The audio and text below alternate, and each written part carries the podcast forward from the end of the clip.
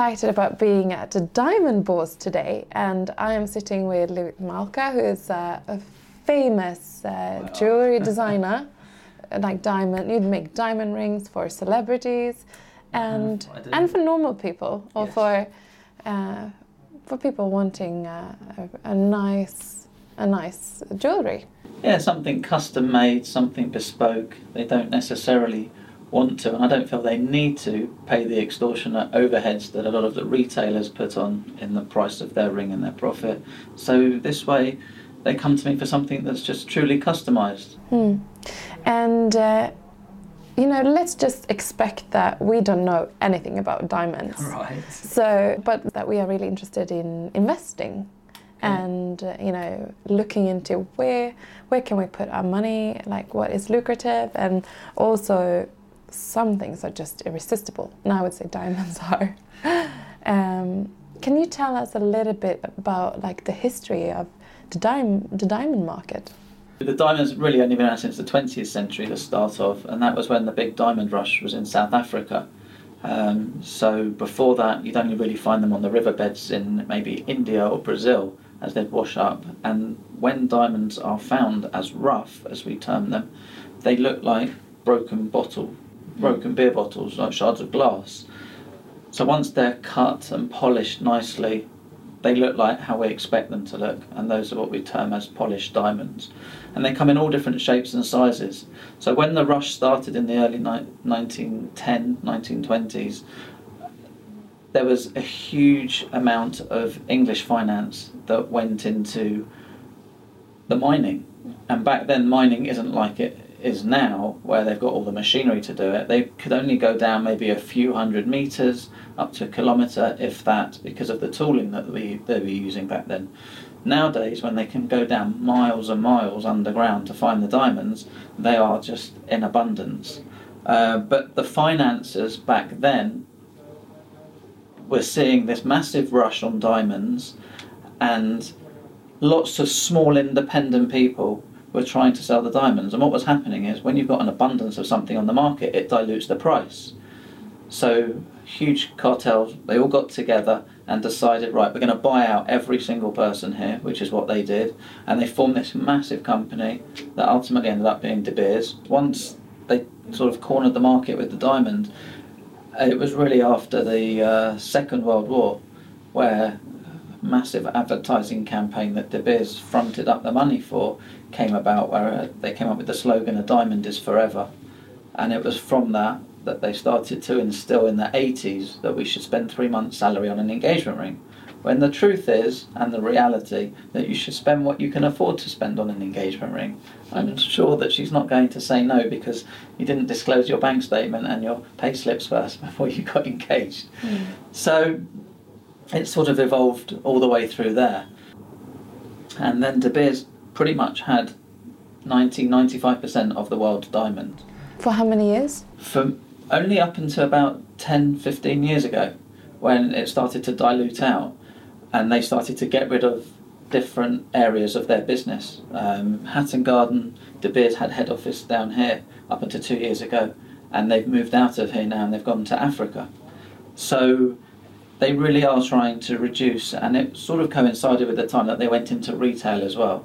So if you think about it, they've got part of the market that's the actual mining, all the way through to the retailer.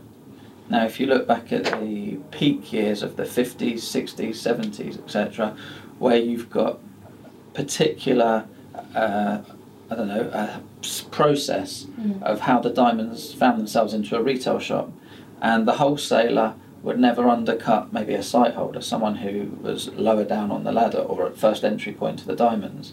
And there was a, a step process, and then from the site holders to the wholesalers to the manufacturers to the retailers. But now with De Beers having retail shops, they've sort of you miss out all those people, so mm. it makes it harder for the small independent to make a living when they're cutting back on all their overheads Of course. and going direct to public. Mm. And that sort of coincided with the, uh, I suppose, not the invention, but with retail sales online mm. with the internet. So a lot of people buying online as well. But it's tricky. It must be tricky because I've, I've, what I feel is with a diamond, you really have to look at it. You have to Yeah. discover all, all the small, small parts of it to actually know if it's a good quality or not. Like, Correct. it, it's must be tricky to buy quality diamonds online. The true test of whether a diamond is any good is whether it sparkles. And the only way you can see that doesn't matter how many videos they show you of a diamond, which they're all doing now online with a nice mm. 360 video. But if you don't see the, vid- the the stone up close, you can't tell what sort of sparkle it's got because there's so many different tricks with lights, with Photoshop, with everything. It's easy to fool someone online. Mm. And when we come to the clarity of a stone, the clarity, some people think that, oh, it's got an inclusion in, I should stay away from that. And then you're going higher up the clarity chart, close to flawless, if not flawless. And when we grade the diamonds, it's all graded under a 10 times magnification. Mm. So that, and that's a constant throughout. 10 times, that's the rule of thumb. But an inclusion in a diamond, if you consider it to be like a birthmark on somebody, we're all different. Everyone's got a different DNA. And if you look at the clarity on a diamond as a birthmark, then it identifies that stone not just as a stone or a, a mineral, it identifies it as maybe a character. Mm. Because ultimately, you're not just buying the stone, you're going to buy, might be the wrong word, but the person who you're giving it to. You're in love with that person, because most diamonds are used as engagement rings, and so you want to make sure that the diamond's got the same amount of warmth and care taken over it as care you take over finding your fiance. Mm. So what you are really describing here is that it's difficult to actually put a standard as like this is the value of this sort of diamond and like it doesn't really work like that. No, it doesn't. I mean, if you take the grading chart of the colour and the clarity, and for argument's sake, the two diamonds that I've got out loose here, they're both an F colour and they're both an SI1 clarity. So that means D being the top, mm. they're close to the top in terms of colour, so they're nice, bright, vibrant. Um, and the first thing you spot in a diamond is the colour of it when you take it out of the packet, whether you're up close or you're sitting a metre away like we are. And then the clarity of these two, they're both SI1, so there's slight inclusions. Doesn't mean it's a black mark, it could be a white mark. Slight inclusions, but there's nothing that you'll see with the naked eye. You shouldn't see with the naked eye. You can get SI1s where you can. But because there are approximately, I think someone once said there's about 14,000 different characteristics of diamond. So that's all the different shapes and cuts. Yeah, all the different colours, clarities, all different size brackets because the price of a diamond depends on the size of it as well. The bigger the diamond, the more cost per carat it will cost you because the bigger it is, the rarer it is. grams. Uh, one carat is 0.2 grams, yes. So there's five, uh, five carat diamond is one gram in weight.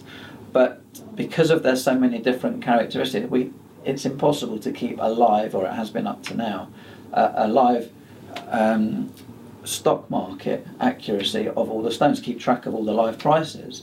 And that's the main reason why diamonds are not listed as a commodity on the stock market. And as a result of that, I believe it makes it difficult to buy a diamond for an investment purpose. Um, one of the other main factors is that when you're buying a diamond, it's not exempt from VAT, certainly not in the UK. So straight away, you've got an extra 20% that you've put on. And if you're going to sit on it and wait, then you're going to wait a long time before it accrues the value. Yeah. Now, I believe it's a fact that since mid mid 80s or early 80s, there hasn't been a down uh, a, a down pricing on diamonds. They always seem to go up. Certain sizes, certain colours, clarities might have gone down one month and then gone So back like up the next. But they generally, yeah, they generally tend to go up year on year. But if you're buying a diamond in a retail shop, they estimate it's about 20, 25 years before you get your money back for it after you've bought it. When you buy a diamond in a ring setting, you've got to consider if you take, for argument's sake, it costs you £10,000, you take away the VAT, it's eight and a half thousand. It might be a thousand, fifteen hundred pounds to actually make the ring, so that's seven thousand. Then there's the profit on that, and a lot of retailers they could put a double up on it, in which case it takes down to three and a half thousand. So the true cost or the true value of the stone, if you try to sell it back the next day to someone else, will probably be about a third of what you've actually paid for it. Hmm, interesting. So if you look at um, the diamonds that you that you sell, I'm, Yes. obviously they are not found in the UK No, in the soil here. Um, so what about like a situation like Brexit? How does that affect uh, the trade with this kind of commodity? But in the UK, it's been a little bit tricky with the whole Brexit thing. Um, I don't believe that the sales in diamonds has slowed down since the announcement. Was it three years ago now? Wasn't Mm. it? Um, what happened overnight with the exchange rates is that the dollar to the pound. We went to bed on the Thursday night. I believe it was like 149, and we woke up in the morning and it was 117. Now, in the UK and all around the world, diamonds are priced in dollars. So the exchange rate really put the price of diamonds Really about to that. thirty percent up, Thirty give, it, percent well, give or take, yeah. Mm. So it made the diamond pro rata Mm. more expensive for what we were getting on Thursday to Friday. Mm. it's amazing what a great political decision can do for the country's diamonds. Absolutely. But that's not just diamonds. I mean, that happened with everything that's been imported into the from, UK from, yeah, from dollar dollar rated, correct. Yeah. Uh, interesting. So, what from what I've heard, there are so many diamonds in the world. Uh, so, what keeps the price so stable? Uh, there's a company called Rapaport, and again, back in the 1980s, they put together a list which is like a grid of all the different sizes, all the different colours and clarities, etc. And they sort of keep a guide on the price, and they on the list. It's really as a reference to how much a particular stone should cost, um, and that's just based on what market value. That's is. like a piece of paper, really. Pretty much, yeah. But then, depending on your level within the business and the volume that you buy, you're not necessarily going to pay, the, let's call it the spot price that's on there. You might get 30, 40, 50, 60% back off of that, um, depending on who you're buying it from and what volume you buy and what your relationship is with the dealer, etc. So there's no perfect price list as such. We're just going by old school techniques of what we feel that this is worth, and it seems like that sort of kept a guide, a guide price within the industry around the world, hmm. and it's what we've been using ever since. So we have a couple of diamonds here. Can we Yeah. just talk? If you could just talk through there. So there's two different diamonds here, and if we put them upside down, we can see the difference in the two. So this one over here is the oval shape, and this one over here is a cushion cut. And cushion cuts come as squares, as in the same width and length ratio, or they can come as long ones, such as that. Um, when we cleave diamonds, so when they're cut, we cut them like wood, you go with the grain. So when you plane a piece of wood, you go with the grain, and it's the same with diamonds. Once the diamond's polished like this and it's in a ring setting, if you knock your granite or marble worked up in the kitchen, you could take, and it goes the wrong way, you could take a small slice out of it. Um, likewise, when you're cleaning a ring, you shouldn't put it in boiling hot water, as in straight from the kettle, because the temperature change can suddenly shock the diamond and could fracture it. Mm. Okay, so we don't want to do that either. Um, any stone that's not cut nicely, it's going to have what we call fish eye. So if you go fishing, you take a fish out of the water, leave it for 10 minutes and it's dead, it's just glazing back at mm. you with, it's like a film over it. Mm. So a bit like that. See, it's like just there's no mark or anything. Very, very cool. From what I've heard, the pink diamond is the most. Yeah, pink diamonds are the most sought after and rarest uh, in terms of coloured stones. I think pink, everyone associates pink with the colour of love. Um, and the biggest mine that you're going to find pinks is in a region of Australia called the Argyle region. And that's why those 90% of pinks that come out the ground, on the GIA diamond report, it will say an Argyle pink, mm. and that's the region that we want them from, and that's where they're from. People say they're running out. I guess, yes, everything runs out at some point, but then new technology comes in where they can mine even deeper and they can pick up with infrared thermal, with all these amazing bits of computer technology. They can pick up different deposits within the Earth's core of where they feel there might be some diamonds. So they will come about. But um, if you look, and there's a few times of year where it be Sotheby's, for example, or Christie's, where they've got these diamond auctions, and you see how much they command per carat for the stone. It's absolutely incredible, Mm. and they're gorgeous. I've been fortunate enough to see a few in my time up close, uh, and they really are incredible. Hmm. So, what about uh, uh, the Diamond Bourse? What are you up to? And you know, because you are one of the members, Yes. um, what's the what's the work? Well, what's generally involved around here, it's the Diamond Bourse. I guess the easiest way to describe it is that it's like an umbrella organisation for lots of diamond dealers to be under the same roof on a day to day basis to be able to trade with each other. So, anyone who's a member here, you don't work for the Diamond Bourse, you belong to. So, you have to have your own business, you have to have been in business for a couple of years, and you have to be uh, nominated by two other members before you're allowed to become a member here. Um, it's interesting, they do a lot of work um, behind the scenes to try and make sure that the trade isn't dying out. There's a lot of manufacturing going on in India, there's a lot of manufacturing going on in the Far East, and it's a sad state of affairs, but the actual workshops here in Hatton Garden are dying out slowly, slowly. Um, when I started here some 28 years ago, I remember walking up and down the street, and there were many more shops than the 110, 120 that there are currently.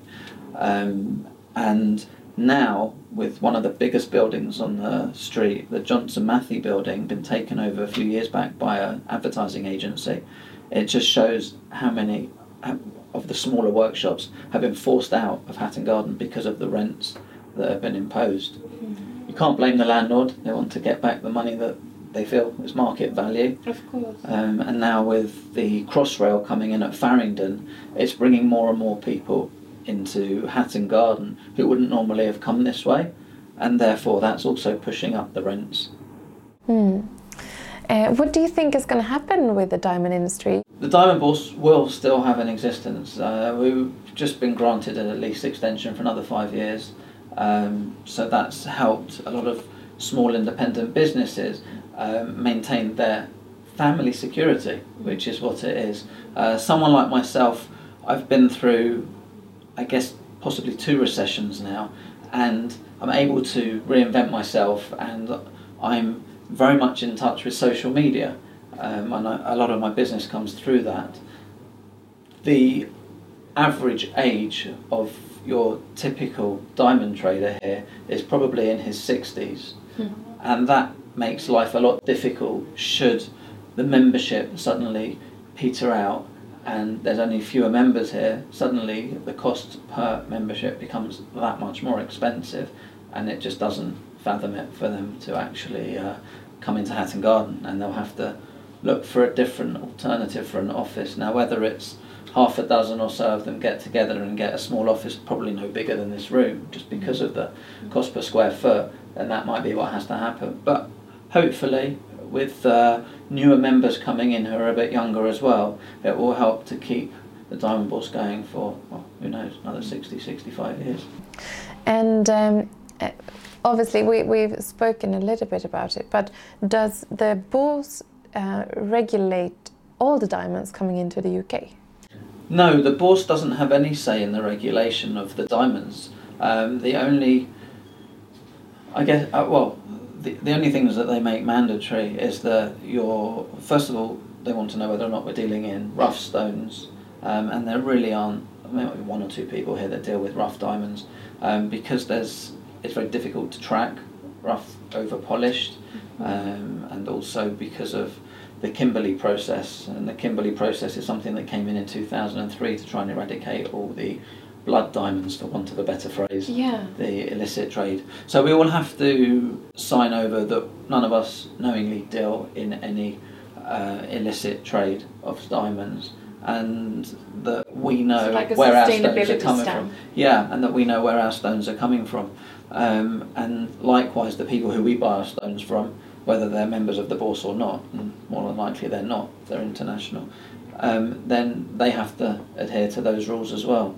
And provided everyone down the chain of command adheres to those rules, then we're absolutely fine. But the thing is, and this is the nice thing about the Bourse, is that everything, everyone together is like a family.